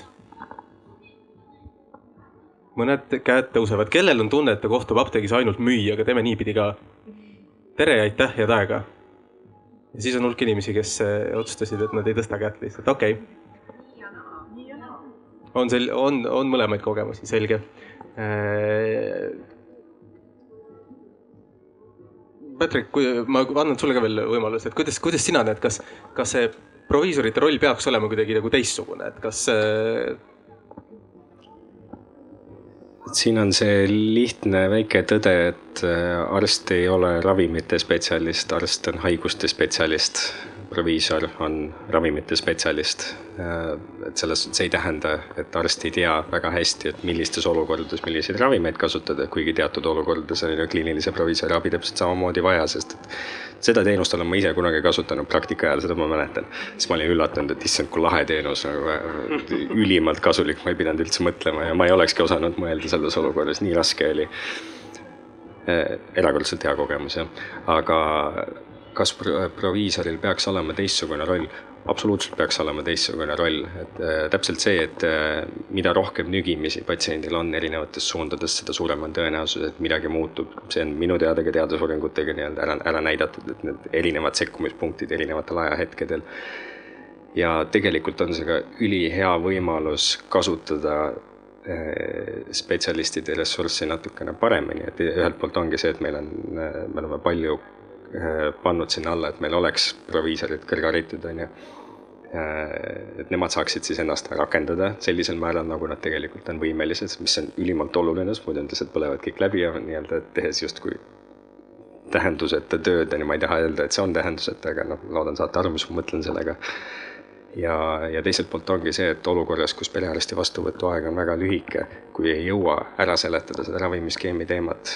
nii palju, kui saab, tuleb ikkagi üritada, on ju, aga siis ongi see võimalus, palun mine nüüd edasi apteekri juurde, juurde, ma dokumenteerin kõik ilusasti ära, mida, mida ma olen siin teinud, miks ma mingeid otsuseid olen teinud, olen teinud. patsient läheb apteeki, ta paneb endale raviminõustamise aja ja, ja see apteeker äh, vaatab järele, mis oli, äh, mis oli nii-öelda perearsti mõttekäik, äh, ta vaatab üle need ravimid ja seletab pikalt põhjalikult ära patsiendile sobivas keeles selle, mis nüüd toimub ja, ja mis toimuma, toimuma peab. et see, see on nagu minu jaoks see kõige suurem sekkumise koht nende nii-öelda ravimite, raviminõustamise osas. aga siin on veel neid teenuseid nagu, nagu muda põhimõtteliselt, kus saaks ilusasti rakendada. jah tere, Kaspar Kaju, ka proviisor, aga ma mõtlesin, et ma räägin korra ühe patsiendi vaatepunktist. nimelt äh, mul hmm, ütleme, üks vanem proua tuttav, nüüdseks lahkunud. Äh, temal oli siis kodus kilekotitäis ravimeid, mida ta võttis ja nii nagu ma kuulsin, Diana mainiski, et minge vaadake parem koju, mis toimub patsientidel. et noh, see oli täielik, kuidas ma võin öelda, kaos. ja nii palju juurde, et proua ise oli tegelikult neuroloog pensioneerunud, aga noh, nii oli. ja mul tekkiski mõte, et okei okay,, et praegu me räägime kogu aeg proviisori juurde apteeki, proviisorit ja apteeki, aga lihtsalt võib-olla ka provotseerivalt, et kas on võimalus, kas on pinda, kas on selleks vajadust, et proviisor läheks näiteks tolle vanainimese juurde ja koguks selle info seal ja siis vajadusel see info jõuaks ka perearstini. seda teed pidi, et jah, see on küsimus, et kas sellel oleks mõeldav selline variant? Mm, no igal pere, endast lugupidaval perearstil on äh, võrgustik, kuhu tal kuulub ka oma tuttav proviisor, et, et, et äh, see on äh, see on nagu väga vajalik, et aeg-ajalt need asjad ikkagi üle rääkida. aga ma küsiks nüüd vastu, et kui palju see tunnihinne on, et, et ja, ja mis sinna sisse nagu läheks, et sinna koju minna. et mina olen kasutanud natuke teist meetodit, et ma olen palunud, kas siis inimesel endal teha pilt nüüd ja see mulle saata, et ma näeksin, mis karbid tal seal on. või siis keegi ta lähedane, et ta nagu annaks mulle selle ülevaate. et, et, et ma ei tea, kas me nüüd paneme proviisoreid äh, patsiendi kodudesse niimoodi liikuma, et aga, aga mida ma nagu väga toetan, on see, et meil tekiks siis äh, võimalus, et, apteegist nähtaks tervikpilti, et tegelikult arst, kes kirjutab ravimi, kinnitaks terve raviskeemi mis on medikamentoosne pluss siis ka muu äh, sinna juurde kuuluv. ja, ja tõepoolest, et inimene, nii nagu ta praegust äh, noh, annab teile oma ID-kaardi ja, ja, ja te näete ta ravimeid, näeksite te siis tema siis nõusolekul tervet seda raviskeemi ja saaksite siis ikkagi teda nagu nõustada, et, et ja hullem veel, et ma kasutaks ka seda sama äh, teenust siis äh, konsultatsiooni mõttes, et, et spetsialistid spetsialistile. et, et sellisel kujul ma noh, kujutan seda ette, aga, aga seda kodus käimist, et sellega ma oleks natuke ettevaatlik, et, et ma ei tea, kas me selle välja kanname see oligi selles mõttes ka natuke sihuke lihtsalt laiendav küsimus, et noh, kui me räägime apteekri rollist väljaspool võib-olla apteeki, et noh, kas see oleks siis see koht. lihtsalt ma jäin ka mõtlema, et on ju patsiente või noh, me teame inimesi, kes on äh, nii-öelda noh, kellel ei ole lähedasi, kes saaks selle pildi teha või kes ei ole tehnoloogiliselt pädevad seda pilti ise tegema. et kuidas ka nendeni jõuda, kui nendel on suured äh, pikad raviskeemid. ma noh, tooks ka näite, et osad ei saa ka korteritest liikuma, sest alles hiljuti oli uudis, et meil on vanainimesi, kes on jäänud oma viiendale korrusele kinni, nii-öelda et ka sellistele, kuidas nendeni jõuda? Õnneks on meil äh, koduõenduse nagu võimalused laienenud ja, ja, ja ka pereõed teevad äh, päris palju koduvisiite ja siis mitte ainult, et äh, ravimite poolt vaadata, aga ka hinnata seisundit, hinnata seda keskkonda, kus ta on. ja, ja tihtipeale ka on meil noh, analüüse vaja ja, ja, ja et, et me proovime neid logistikaid nagu niimoodi ühendada enne kui me edasi lähme, et sotsiaaltöötaja on ka loomulikult siin, siin pildis ja selles suhtes, et äh, sotsiaaltöötaja võib-olla on kohati ka isegi rohkem võtmeisik kui koduõde, et koduõendus on ikka natuke piiratum teenus praegu. ja lihtsalt see nõuab ka seda, et jah, et sotsiaaltöötajad tuleb ka lihtsalt nagu rohkem ära integreerida tervishoiusüsteemiga, nad hetkel on täiesti eraldiseisev, nende sotsiaalvaldkond on ja, ja nii ongi. aga ma luban, me teeme seda, sinna me liigume praegu. aga ma pigem tahaks selle koduvisiitide osas küsida, et kas te tahate minna? selles suhtes, et see, keegi ei saa seda öelda, et kas te nüüd, kas, mida arst sellest arvab, mida proviisorid ise arvavad sellest, kas nad tahavad minna või ei taha minna. et mina proviisorina, miks mitte, et praegu võib-olla see mm, proviisor on apteegis, aga mina nagu küll isiklikult näeks, et proviisor võiks olla ja pakkuda oma apteegiteenust laiemalt, et miks ongi ka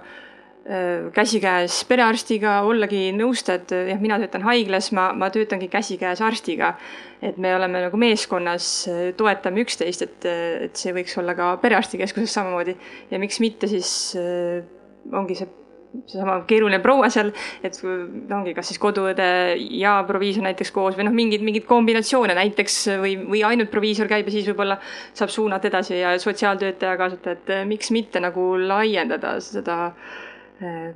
teenust ja, ja ongi just see, see ravimite kasutamise hindamist ja et seda just nagu aidata laiendada. kas sul on sama teema kohta? Et äh, tegelikult ma võin siin öelda, et, et see mõte ei ole tegelikult üldse. räägi natuke lähemale, siis läheb salvestusse ka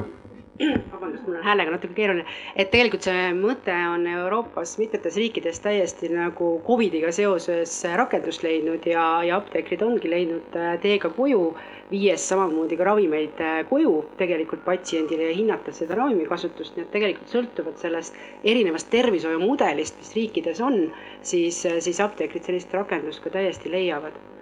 ja, ja võib-olla natukene juurde siin apteekri, ütleme perearsti vaates teisel teemal, et et, et see, et perearst kinnitab kogu raviskeemi, ma olen väga sellega nõus, aga mida apteegis tegelikult apteeker praegu eh, noh, esiteks ma muidugi ei näegi digiloos, mida see patsient praegu saab, aga ka siis, kui perearst on ära kinnitanud, meil endiselt jäävad käsimüügiravimid, loodustooted, asjad, kus otsuse tegelikult aitab inimesel teha apteeker mis tähendab, et sellele perearsti kinnitatud äh, raviskeemile võib iga kell tulla erinevaid ravimeid juurde ja seal on see koht, kus tegelikult siis apteeker nõustab ja täiesti nõus äh, selles mõttes, et see kõik võiks olla siis nagu ilusasti integreeritud sellesse tervisejuhtimise infosüsteemi ainus probleem, et siin tulevad ka natuke patsiendid mängu. et kui ma lähen ostan selle paki ibuprofeeni, mul kasutab seda mina ise, minu laps, minu ema. kui me elame ühes, ühes selles, et tegelikult öelda, et kes nüüd seda ibuprofeeni kasutama hakkab, et see käsimüügiravimite osa on meil ikkagi natukene anonüümne. aga see, et apteeker, kui ta nõustab ja ütleb, et kas see ibuprofeen sobib kokku või sul on mingid sellised retseptiravimid, millega kindlasti seda võtta ei tohi. et see on see koht, kus saab apteeker mängu tulla ja nõustada seda patsienti ja, ja kui ta ta näeb seda, milliseid ravimeid ja millised diagnoosid tal tegelikult on. aga kindlasti see koostöökoht on siin nagu kõige, kõige olulisem selle kogu selle nõustamise juures. ja viimane mõte minu poolt hetkel on, on võib-olla ka see, et, et, et ähm, meil on apteeker äh, ravimspetsialist, aga tegelikult apteegis inimesed ei, ei oska eeldada seda, et sa tegelikult seda teenust seal saad et, et suur osa inimesi tormab apteeki enne bussi peale minekut kümne minutiga, ootad sabas natuke ja oled väga närviline, kui apteek hakkab sinu käest, apteeker hakkab küsima, et noh, et, et äh, kuidas te seda ravimit võtate. et võib-olla see on, täna on hästi palju räägitud sellest teadlikkuse tõstmisest, harimisest ja kõigest sellest, et ongi, et apteeker ei ole müüja, vaid apteeker on täpselt samasugune tervishoiutöötaja nagu ka arst ja, ja selles mõttes ta saab nõustada, sa peakski seal apteegis ikkagi aega võtma. meil on väga palju apteeke, kus sa lähed ja istud ja, ja suhtled apteekriga, et see ei ole nii, et üle leti lihtsalt antakse see ravim. aga kindlasti siis see suhtumise muutmine, et apteeker ei taha teada midagi sinu eraelust, vaid ta tegelikult nõustabki seda, kuidas seda ravimit võtta selleks, et sinul endal oleks kasulik saada no tegelikult patsiendid esitavad ju alati äh, valikuliselt infot see, mis nagu neile sobib. ja ega me, meie kohtame seda ka aina tihedamini meie hullus tarbimisühiskonnas, et tullakse mulle nimekirjaga, et tuleb talle rida uuringuid teha. ja, ja siis, kui ma noh, juhtun küsima, et, et mis, mis siis nüüd nagu mureks kah on, mis see nüüd sinu asi on, et noh, et teeme need uuringud ära ja, ja, ja küll siis saab edasi, et, et eks maailm muutub ja, ja me peame ikkagi laialdasemalt ka võtma, et kus tal need mõjud on, et see nagu ka mõte tekkis, et ühed on need hirmud ja teine on uudishimu ja, ja, ja kolmandad on siis konkreetne sümptom ja, ja kaebus, et nagu selleni jõuda on aina keerulisem, et, et nii, nii teil seal apteegis kui, kui meil oma kabinetis. Silja, mis äh, proviisorid ise saaks teha selleks, et, et mitte mõjuda enam nii müüjana ja, ja ikkagi äh, kasutada oma erialaoskusi ka? Eks siin peabki võib-olla väga kavalalt sellele inimesele siis lähenema, kes tundub, et ta teab kõike ja ei taha nagu mitte midagi, midagi kuulda, et noh, see sõltubki väga olu-, olukorrast, et vahest sa saad niimoodi inimese niisuguse jutu peale, et aa, et sul on midagi ikkagi mulle ka kasulikku öelda, et sa lihtsalt ei taha lobiseda seal temaga, et et ähm, et, et ongi, et, et me peaksime oma pool, enda poolt ka siis nii-öelda rohkem seda infot justkui esialgu peale suruma, et inimene näeks, et tegelikult me, me lihtsalt ei soovi temaga ülemäära vestelda, vaid me soovime öelda tema jaoks olulist infot. Ja tema jaoks olulisi asju kas välistada või, või anda veel lisasoovitusi, et tal oleks nagu veel parem, et, et ähm, et ega meie ülesanne ei olegi seal nii-öelda ravimeid lihtsalt anda ja, ja müüa midagi, vaid, vaid ikkagi koos selle nõustamisega ka tervislike eluviiside osas. et aga, aga just, et seda oleks võimalik anda see, see, selleks peab ka nii-öelda patsiendi poolt see valmisolek olema, et, et muidu, kui ma talle ka isegi midagi ütlen, ta ei olnud ise valmis, tal ei jäänud üldse meeldegi, ta ei kuulnudki, mida ma talle tegelikult ütlesin, siis mõtlesin, et oh, keegi pole mulle midagi rääkinud. noh, et tema, ta ei olnud valmis, ta ei võtnud infot vastu ja tal tekibki tunne, et me, me seal nagu ka midagi ei räägi. et ähm, et eks äh, jah, peame, peame ise rohkem rääkima ja, ja mida ma nagu nii-öelda omalt, omalt poolt siis soovingi nii-öelda eriala äh,, erinevate erialade vahelise koostöö osas ongi see, et ka, ka siis nii-öelda arstide poole pealt äh,, kui me saame kuidagi abiks olla, et, et ka nii-öelda siis äh, oleks patsient ka niimoodi vastuvõtlikum, et aa, et sedasorti infot ma võiks siis nagu sealt küsida, et on avatum nagu tulema ja, ja oskab pöörduda, et ei ole see, et tahame kohe müüa midagi. Ei, ma arvan, et noh, perearstid, pereõed igapäevaselt soovitavadki teatud asju arutada juba apteegis. et, et milline talle seal sobib ja, ja, ja, ja, ja millise valiku ta teeb, et ma arvan, et väga suure tõuke andis, kui me hakkasime ka toimeainepõhiseid ravimeid kirjutama. et, et selle kaalutletud otsuse, et millise karbiga ta sealt ära läheb. aga kas te olete proovinud, et ennem karpi kätte ei anna, kui teeb nagu väikse testi? no selles mõttes isiklikus plaanis ma võin öelda küll, et ma olen üsna järjekindel et ma ei ole veel, veel nagu loobunud ja suud kinni pannud, et ma ikkagi, mul on lootus veel olemas ja, ja õnneks ma saan ka sellist head tagasisidet, tõesti, kui ma olen suutnud selle inimeseni jõuda, nad on, nad on tänulikud ja. sest mina näen küll nagu oma, oma töö pealt, et, et et äh, see roll, äh, et inimesed enam noh, ei jõuagi minuni, et apteegis on kindlasti suurenenud, mis on väga-väga positiivne. ja, ja, ja pigem, et see jutt on meil ju samasuunaline, et kõikides äh, nohu ja, ja, ja kõik noh, sihukeste nagu terviseprobleemide käsitlemisel. et ja mina nagu tunnetan küll, et, et apteegi roll nagu selles osas on kasvanud, et ma ei pea nagu seda, seda asja enam küll ümber rääkima või kedagi veenma et, et mul on siis väga hea meel. Et tõesti see koostöö on, aga igal pool see ikkagi, ikkagi nii ei ole, et siiski, siiski siin on arenguruumi ja, ja kindlasti üks pool, kus me siis nii-öelda saame ka omalt poolt rohkem teie tööd toetada, eks ju, kes te olete palju tööd ära teinud, ongi see andmete ühtne nägemine, et me oleme ühel lehel. et paljuski praegu, kuna meil on niisugused infokillud, me saame inimest nii-öelda umbes nõustada. et me eeldame, arvame, et vist on, vist on nagu see olukord praegu, et on niimoodi, aga, aga, aga me saaks palju täpsemalt teha, kui meil on, kui meil on üks info ja teine asi ka siis see, et omavahel infot vahetada, kui me oleme mingeid probleeme näinud. ja just siis need käsimüügitooted ja toidulisandid, mida paljud inimesed ei ostagi üldse apteegist, internet on suur ja lai ja, ja tellivad igasugu huvitavaid tooteid. et selles mõttes, et sellist, sellises olukorras nii-öelda näha, mida inimene siis võtab kuidas ta võtab, kui palju ta sealt kõigest nagu kasu üldse saab, eks ju, et. et, et raha on läinud, aga kas kasu ka tuleb, on ju. et, et selleks ongi vaja näha tervikpilti. Nojah, et, et teistpidi, kui ma nüüd natukene noh, ka ut-, utreerin, et ega me lõpuni ei saagi ju teada, mida ta sööb, käitub, mõtleb, tunneb. et, et kuskil on see tõenäoliselt see nagu piir, aga, aga mulle tundub, et ka apteekides on nagu endal mingisugune kerge surve, et kui ma praegust lihtsalt patsiendina astun apteegis, tihtipeale ma pean käima läbi siukse nagu kadalipu ennem kui ma jõuan oma retsepti nagu ravimini, et, et ennem jäävad nagu mitmesugused siuksed hästi pilku püüdvad ja, ja, ja siuksed noh, hakkad ise ka mõtlema, et nii, et, et kuskilt midagi oleks äkki vaja paremaks teha, et, et kui ma siis suudan ennast hoida niimoodi korras ja ei, ei, ei pööra tähelepanu, et siis ma jõuan oma retsepti nagu osakonda. Et, et kas, kas seal nagu ka ei ole veidi konflikti sisse kirjutatud, et, et mind sunnitakse seal noh, riiuli vahel nagu kõndima jah, lõpuks olete te ju eraettevõtjad või ettevõtete esindajad, et jah, selles Toit, need toidulisandid, mis kõik võivad tekitada kõrvaltoimeid ravimitega, et see on ju teie, teie mm, -hmm. teie ärihuvi mm. -hmm. selles mõttes jah, et, et see ongi kahtepidi, et et toidulisandite valik on ka lai ja ahvatlus ongi suur, aga kõiki neid asju saab teadlikult teha, kui sa räägid õige inimesega, et, et et te, selgitadagi välja, kas, kas on, neid on vaja ja et.... aga see on kohati nagu lausa sihuke, nagu ma ütleks, eksitav, et noh, et, et võtad selle sisse ja kümme aastat nagu noorem, et, et kas teil, teid nagu, nagu ennast ei hakka häirima seal apteegis, et noh, et need äh, lubadused on nagu nii suured, et, et mulle tundub, et kohati see turundus on noh, isegi meist nagu tunduvalt ettepoole jõudnud nagu, et seda oma sõnumit sinna anda, et jah, et sellepärast me, sellepärast ma arvan, et me täna siin istumegi, et tuua seda tasakaalu. et, et sel, selle, sellest erialast ja sellest apteegist saab nagu rohkem kui need säravad karbid, eks ju, et ega me ei suuda seal ka ära imestada, kui värviliseks mõned karbid on läinud, aga see ei ole meie, meie mõjutada.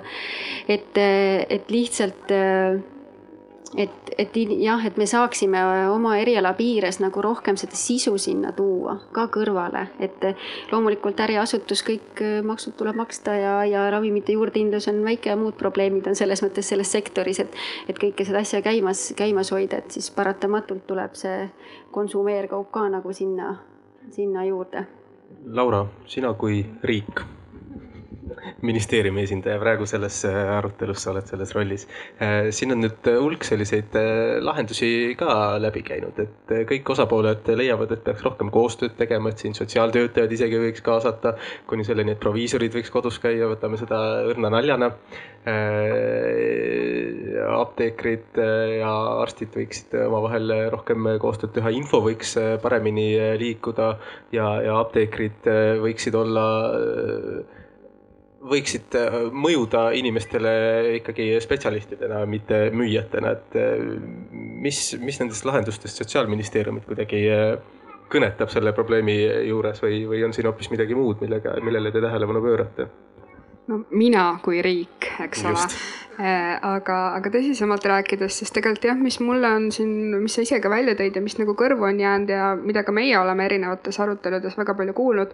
ongi just see koostöö aspekt, aga samas noh, riigil on väga raske arstide ja apteekrite vahelist koostööd ise teha, et noh, me saame olla see vahendlüli, kes võib-olla kokku toob, eks ole, noh, iseenesest ka täna me oleme siin koos juba, on ju. et mitte küll, mitte küll tänu riigile, aga, aga, aga tänu muudele formaatidele, et, et selles mõttes jah, võib-olla selline isegi natukene nagu neutraalne selline vahelüli, et kellel nagu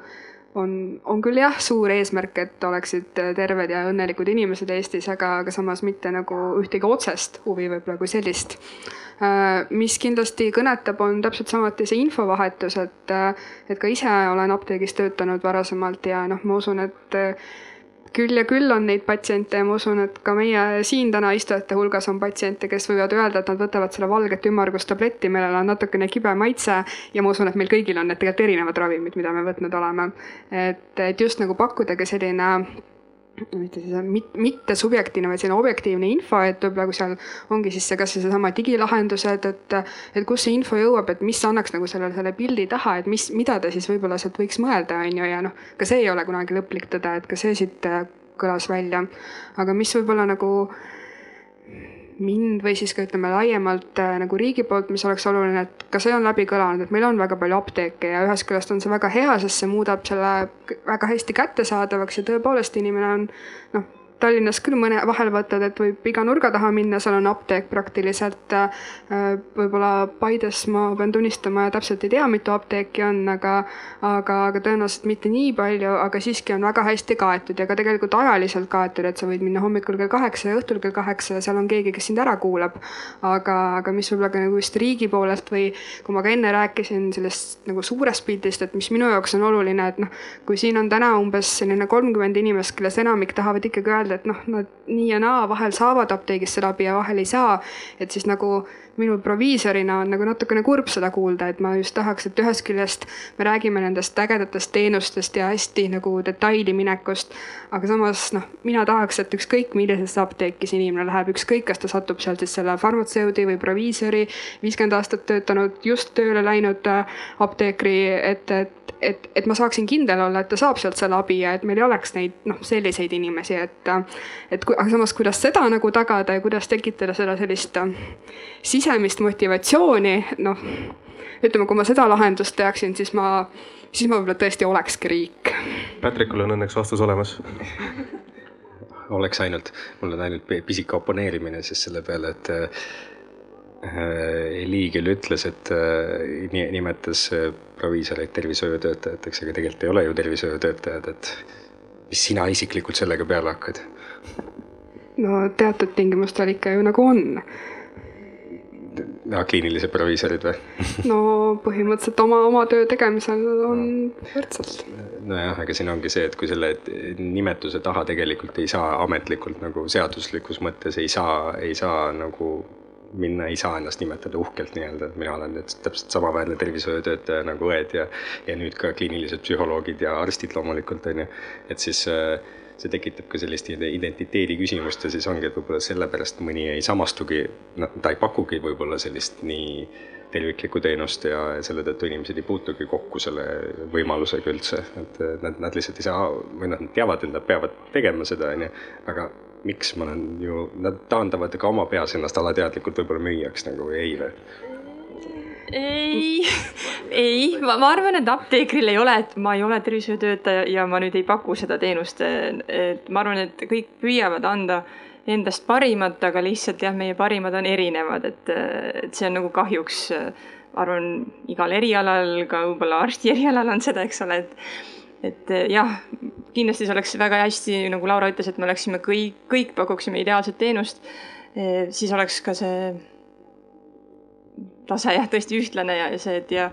ja siis on ehm, võib-olla see kliiniline proviisor, kes nagu annab veel täp-, täpsemalt eh, veel rohkem nõustab, et ta tuleb veel paremini esile või, või noh, praegu tuleb ka esile, et aga, et siis oleks ühtlane tase, et. aga me jah, keegi ei, ei mõtle, et me ei ole tervishoiutöötajad, me, me ikkagi, me tunneme ennast tervishoiutöötajatena väga tugevalt me üritame võidelda kogu aeg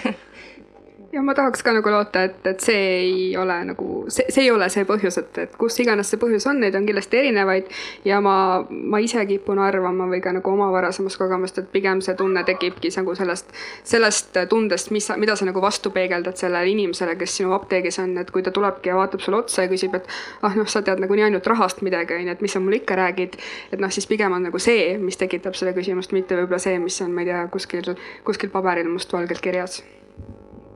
ma tahtsin natukene sellele apteegivõrgule tähelepanu tagasi tuua, et et kui me ei räägi linnadest, räägime just maapiirkondadest ja, ja, ja me oleme selline hajaasustusega riik, me teame, et siis see hinnang täna, et meil on apteeke piisavalt, noh, me ootame, et apteeker võtab rohkem rolli, nõustab, aga siis peab olema neid apteeke rohkem, kodus käeulatuses enam, ka maainimesele ta läheb sinna võib-olla teist korda tagasi ainult nõustamisele, mitte selleks ostmisteenuseks. et kas me hindame täna seda apteekide võrgu piisavust selle järgi, et jah, meil on piisavalt kohti, kust saab ravimi kätte ja sageli ju maainimesele toob selle ravimi linnast lapselaps, eks ju, tal tegelikult ei ole seda nõustamispunkti. ja, ja, ja, ja selleks on vaja aega, ressurssi ja inimest, see on ühtepidi, mis on nii-öelda apteegid ja punktid võrguna. Aga teisiti, kui meil siis ka oleks see võrk tihedam või võimalus seda tihedamaks luua, kas meil proviisoreid jätkuks, neid samu nõustajaid, kes ei ole klienditeenindajad ja ravimimüüjad, vaid, vaid ongi nõustajad, kuhu me tahame liikuda. Ja et ühest küljest hästi mustvalgelt hinnates jah, me saame hinnata selle järgi, et meil on teatud pindala, eks ole, teatud pindalal on mingid apteegid, aga samas kui näiteks, ma ei tea, Rõngu linnas on apteek lahti teisipäeval kolm tundi ja võib-olla neljapäeval kaks tundi, eks ole, siis puhtalt sellest, et see seal lahti on, ei pruugi alati piisata. et äh, kas meil on piisavalt proviisoreid apteeke, apteekides, noh, me praktikud võivad täpsustada, aga kogu aeg on puudus minu teada, et, et selles mõttes nagu, et kuidas see nagu mõistlikult ja kuidas sinna mõistlikult lisada veel igasugused nii-öelda siis uudsed teenused või et meil juba täna, eks ole, on ka ravimite kaugmüük ka sellise põhjalikuma nõustamisega. samas näiteks, kas see kaheksakümne seitsme aastane vanaproua võib-olla mitte seal korteris, aga kuskil metsade vahel, kas see teenus temani jõuab, noh, ma olen natukene skeptiline, on ju, või siis väga skeptiline. et kas tal jällegi, kas tal siis on see tugisüsteem, kes aitab tal, et, et selles mõttes äh, ka see, mis tegelikult Lii välja tõi siin, selline ravimite koduteenus, et noh, meil tänavu ei ole sellist asja otseselt, et meil küll jah, kuller toob põhimõtteliselt selle ravimi sulle koju pärast seda, kui sa oled ikkagi seal internetiapteegis või selle kaugmüügi teel selle ravimi oma soetanud ja teinud siis äh, selle, ütleme siis vähemalt selle miinimumprogrammi sellest nõustamisest, küsimustest, vastustest läbi. kas, äh, kas see võiks nagu kuidagi edasi liikuda, haakudes siis kasvõi sellesama poolnaljaga välja käidud jutuga, kuidas tuleb seesama proviisor või farmatseut sulle koju võib-olla, kas meil olem-, meil on iseenesest on meil ka õigusaktidesse üles kirjutatud selline tore moodustis nagu apteegibuss, eks ole, kas meil, kas see võiks olla mingi vorm tulevikust? noh, võib-olla, et äh, aga, aga kindlasti nagu mida, mida süvitsi me tahame minna, et me tegelikult mõtleme hästi palju sellele, et proviisor on patsiendile täna juba üsna lähedal, aga kuidas ta oleks nagu võib-olla veel lähemal või teistmoodi lähedal. et, äh, et see on nagu ka üks asi, mis nagu kõikide nende teenuste arenguga ka minu meelest kaasas käib, et, et mis on nagu, mis on see nii-öelda kelluke, mis seal kuklas peab tiksuma kogu aeg. et äh, täna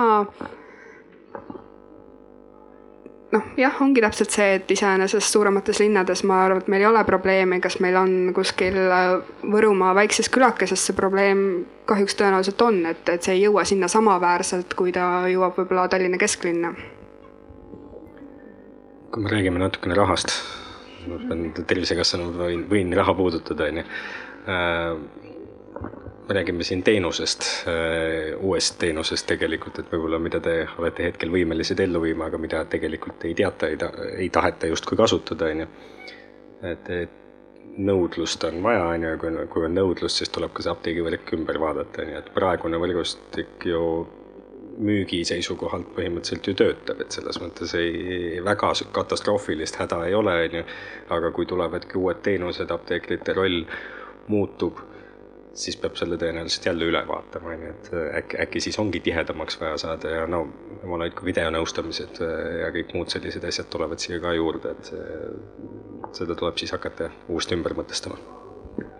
Jah, aga sellega tegelikult ongi minu meelest ikkagi seesama, mis sa enne rääkisid, et millisele patsiendile tuleb sosinal rääkida ja kellel käes kinni hoida, et siis ka nagu nende selliste kaudsetel teenustel tuleb nagu sellele mõelda, et, et täpselt samamoodi, et meil on küll tõesti, ma ei tea, igas rabalaukas on wifi varsti vist, aga, aga kas see jõuab selle inimeseni ikkagi, et see on oluline meie poolteist tundi hakkab äh, läbi saama ja nüüd ma tõesti proovin uuesti anda sõna äh, patsientidele või inimestele, kes ei ole õppinud äh, meditsiini. olles kuulanud siin nüüd erinevaid ka lahendusi, loodetavasti on teil ka endal mingeid ideid tekkinud, võib-olla oskate näha ka proviisoreid inimestena, kelle käest nõu küsida. mu küsimus, kes iganes tunneb, et ta tahab jagada, et, et mis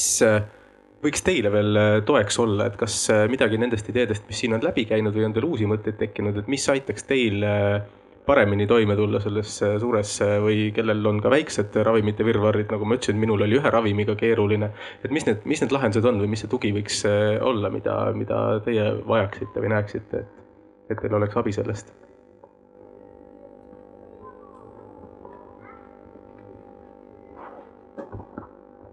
aitäh äh,. Noh, mul hetkeks noh, rääkisite kõigest sellest, kuidas äh, äh, inimesed võiksid rohkem teada, mida nad tarvitavad ravimite kujul. ja noh, mul tekkis sihuke võib-olla natuke utoopiline mõte, arvestades, et proviisorid ei ole piisavalt, raha ei ole kunagi piisavalt. aga äh, proviisori vastuvõtud, konsultatsioonid eraldi, aeg selleks, et äh, perearst saadab saatekirjaga, nagu saadetakse, ma ei tea, Äh, füsioterapeudi juurde, psühhiaatri juurde saadetakse kellel on inimesel väga kompleksne raviskeem, saadetakse proviisori konsultatsioonile. et noh, ma kohan, et proviisorilt pole piisavalt, raha pole piisavalt, aga äkki on utoopiline mõte, aga äkki samas on tehtav ja seda ma mõtlesingi, kui ma ennem ütlesin, et ma kujutan ette, et ta on üks äh, kolleeg mul abiks ja, ja et ma saan konsulteerida. et kas on vaja füüsilist visiiti, ma arvan, et selguks pärast seda, kui on need andme nii-öelda vahetus ennem ikkagi ära olnud. et, et äh,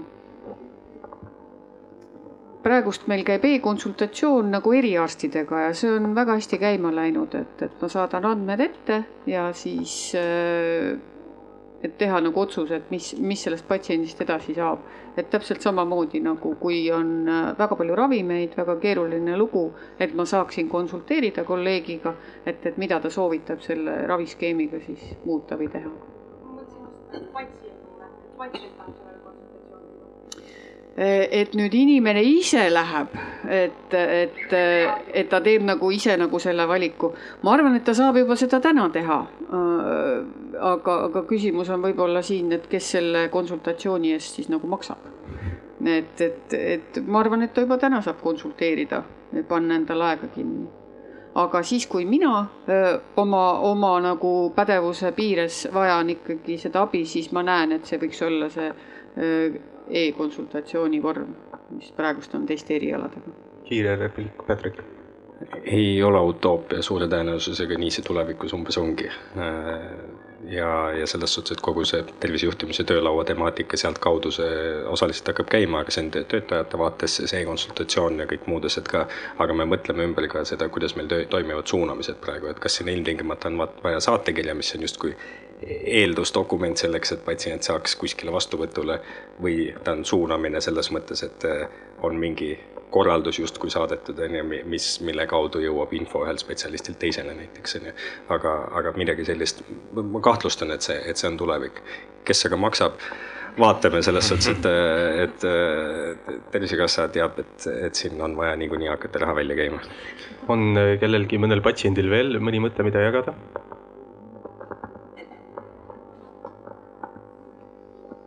Natukene ravimitest välja, aga tõesti käies poes ja, ja siis äh, vaatad neid apteeke on iga nurga peal, et küll oleks tore, kui saaks apteegis ka vaktsineerida.